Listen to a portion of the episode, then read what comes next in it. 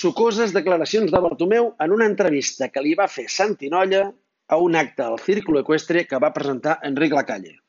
Bartomeu, Nolla, Círculo Equestre, Enric Lacalle. Brrr, quasi us explota el cap, eh? El que anàvem. Insisteix Bartomeu. Ja ho he dit molts cops, els jugadors no manen, els jugadors opinen. Si aquest no és el problema, Barto. El problema no és que els jugadors no manin, sinó que opinin. El problema és que el president no presideixi, sinó que els obeixi.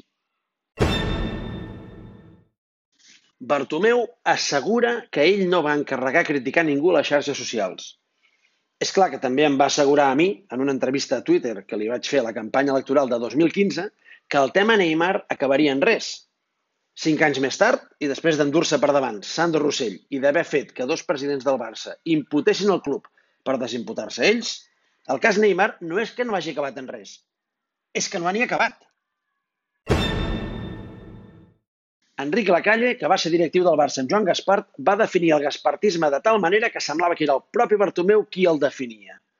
No va ser l'època més brillant, però van fitxar Leo Messi. déu nhi Diguem-ho clar, no és que no fos l'època més brillant, va ser una puta merda d'època el gaspartisme. I no van fitxar Leo Messi.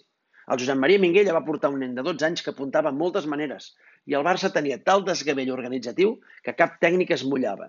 El Minguella va haver de demanar a la família que, si plau s'estiguessin en un hotel i els va tenir allà 12 dies tancats, pagant Minguella. Quan ja eren a punt de tornar a Rosario desesperats, Minguella va convèncer Charlie Reixac de muntar un partidet. I llavors el Charlie va decidir que sí, que se'l quedaven. Doncs 20 anys després, un senyor de la Junta acaba de treure pit d'això i ho va fer en un massatge en públic al president. Impossible millor fotografia d'una crosta foment del treball, círculo equestre... déu nhi Veient els foros que escull el president del Barça per fer-se els massatges i també veient gran part de la seva gestió, a mi m'asseguren que el president és del club en el que va jugar i, escolta, m'ho crec. Ja sabeu que pel coronavirus el Barça haurà de jugar als propers partits a porta tancada. Escolta'm, i el Lluís Foix que respira tranquil. I és que el columnista de Mundo Deportivo no li va agradar gens la mocadurada de Bartomeu del dissabte. Dimarts li van poder llegir que el president no mereix cap xiulada ni reprovació. Textualment va dir, o va escriure, Veo precipitado e improcedentes los silbidos, los pañuelos y las pancartas contra Bartomeu. Nadie se atreve con Florentino i bla, bla, bla, bla, bla. Ja veieu que el Lluís Foix, això de xiular al president, no li ha agradat mai. Mm, mai? De debò? A veure, 13 de maig de 2008, llegeixo.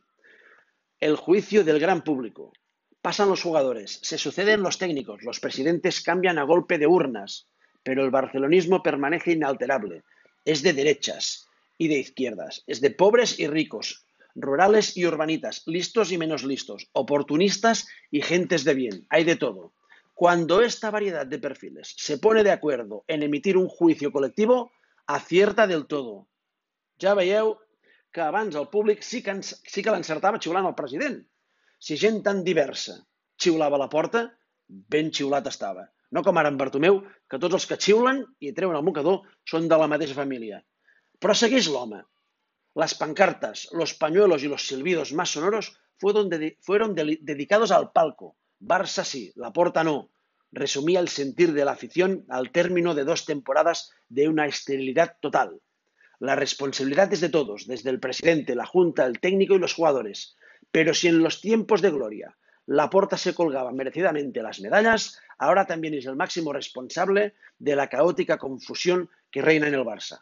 Ah, què us sembla? Eh? Doncs escolta'm, Foix encara ho remata, i a lo gran. Soy de los que pienso que la solución Guardiola no es la mejor. Pero a partir de ahora tendrán todo mi apoyo para recomponer la actual desgraciada situación. Ni en això diu la veritat, tu. Ni va recolzar la porta mai, ni ha dubtat a fotre-li cleques a la més mínima, sense pensar si eren precipitades o improcedents. Total, que si el Foix us diu que no xiuleu al Barto, feu el favor de fer-li cas. Ja veieu que de criteri i de coherència va sobrat. Tot i restar detingut per risc de fuga a la presó d'Asunción, l'única assumpció que ha transcendit de la defensa de Ronaldinho és que el jugador és idiota. Doncs qui el va anomenar ambaixador del Barça i li prepara un homenatge, ja ni t'explico. València, sense falles, sense quarts de final de Champions, sense públic al derbi València-Levante. Però amb el Mercadona fins la bandera. El coronavirus apreta però no ofega, che!